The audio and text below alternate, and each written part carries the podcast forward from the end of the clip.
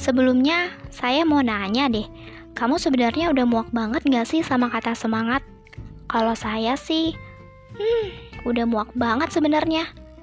Tapi ya gimana, emang butuh banget sih sama yang namanya semangat tuh buat ngejar dunia yang penuh dengan ambisinya. Bukan cuma ambisi sih, tapi emang ada mimpi di situ.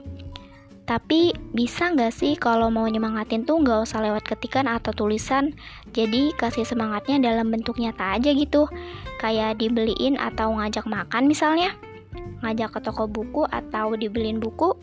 Ya kalau mau hemat sih bisa lah ya nemenin saya nongkrong di perpus. Atau hal lainnya yang dalam tindakan nyata gitu.